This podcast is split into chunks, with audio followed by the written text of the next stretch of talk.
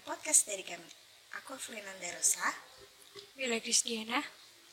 Bagus Risa Sunarat Maja. Siko Putra Pranarta. Dan Dimas Muhammad Jilan. Podcast kali ini kami akan membahas tentang maraknya seks bebas di kalangan remaja. Benar nggak sih? Menurut kalian nih ya, eh, kira-kira apa sih penyebab utama seks bebas menurut Dimas apa ya? Ah, kalau menurutku ya, yang pertama itu rasa ingin tahu. Kalian pasti tahu kan, pada usia remaja keingin tahuannya begitu besar terhadap seks. Apalagi kalau teman-temannya itu cer- cerita seks, wah langsung kepengen ya pasti. ya, itu salah satu penyebabnya. Yang selanjutnya yaitu ya bisa sering nonton video porno ayo itu bisa juga loh kalau menurut mas bagus gimana mas Biasanya seks bebas diawali dari perkumpulan teman-temannya. Biasanya kalau udah remaja yang dia bicarain sama kumpulannya gitu cerita soal pacaran, seks bebas sama pacarnya. Dan itu bisa jadi suatu kebanggaan sih kalau buat yang masih remaja kayak kita ini. Biasanya cowok-cowok nih yang suka seks bebas terus diceritain sama teman-temannya. Ada sih yang bisa mengatasi seks bebas itu selain berdoa ya kita harus menahan diri dari godaan eh, cewek kita atau teman-teman kita yang suka ngejek-ngejek kita gitu hawa nafsu juga harus tahan jangan suka pacaran di kos ya selanjutnya mungkin pendapat dari Mbak Bella Menurut aku, remaja melakukan pergaulan bebas itu ada sikap mental yang tidak sehat, pelampiasan rasa kecewa terhadap keluarga yang tidak harmonis, dan kegagalan remaja menyerap norma-norma agama dan norma-norma Pancasila. Ya mungkin bagi kalian yang punya pacar atau mungkin baru kenal. Situasinya itu mungkin sangat mendukung apalagi kalian sendirian di rumah dan pasangan anda juga ingin berduaan sama kalian. Ya gimana lagi ya? Cara jelasinnya penyebab utama seks bebas itu banyak banget. Mungkin ada yang bisa nanggepin lagi atau nambahin sesuatu? Mas Dika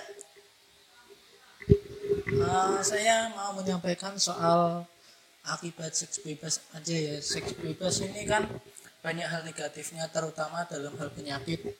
Banyak beberapa penyakit yang nggak ada obatnya contohnya HIV, AIDS ataupun penyakit-penyakit kulit lainnya yang nggak ada obatnya sampai sekarang.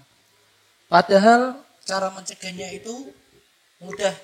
Jika pun ingin seks bebas ya dengan pasangan yang satu aja nggak usah gonta-ganti atau gimana lah atau menggunakan alat pengaman atau gimana itu sudah menjadi salah satu solusi supaya kita tidak terjerumus ke seks bebas itu sendiri. Eh, dari Mas Dimas mungkin ada pengalaman yang harus disampaikan atau gimana dari teman-temannya atau bahkan dari dia sendiri. ya ya ya. Kalau pengalaman sih ya masa harus diomongin di sini Majiko dosa sama Majiko ya kalau pengalaman sih jujur ya ya ada. Tapi ya gimana lagi itu kebutuhan sih. Jujur loh ini loh ya. Kalau Mas Bagus sendiri gimana? Kalau untuk pengalaman seks bebas, saya kira ya pasti cowok-cowok yang udah belajar dewasa pernah lah mencoba-coba seperti itu. Tapi kalau memang situasinya mendukung atau kalian memang mau coba-coba kayak gitu, mungkin dibikin-bikin lagi lah. Kasihan orang tua kalian. Jangan sampai kalian berbuat sesuatu yang belum sah kalau di negara ini kan kita harus ada sah dulu baru ah ya mungkin Mas Iko pendapat Mas Iko Ah, ini seks bebas itu nggak melulu soal dewasa ya. Banyak beberapa bapak-bapak atau ibu-ibu yang maaf udah cerai terus akhirnya kepada pasangan lain. Gimana mas? Orang tua mas broken home yang dulu cerita pribadinya gini saya mau foto-foto lah mau handfood sama doi terus di pos 2 ya itu ya. Kokrosan itu? Pos berapa mas? Sekitar pos 2 pos 2 itu kan jalannya masih rusak masih banyak rumput-rumputnya lah yang besar tinggi-tinggi. Lah mau mau foto-foto di daerah sana yang belum terjamah oleh manusia-manusia ataupun masih sedikit orang lah. Makanya di sana pemandangannya bagus. Uh, suatu ketika saya udah masuk ke gang pos 2 Tanjung Mas. Sampai pos kedua saya bingung mau cari jalan yang mana. Eh malah tersesat ke jalan yang semakin sempit semakin sempit semakin rumputnya semakin tinggi. Eh ada bapak-bapak yang tangannya lagi ke mana-mana sama ibu-ibu. Saya masuk langsung tangannya diamanin. Padahal saya udah tahu dia dari ngapain mau ngapain tuh saya tahu.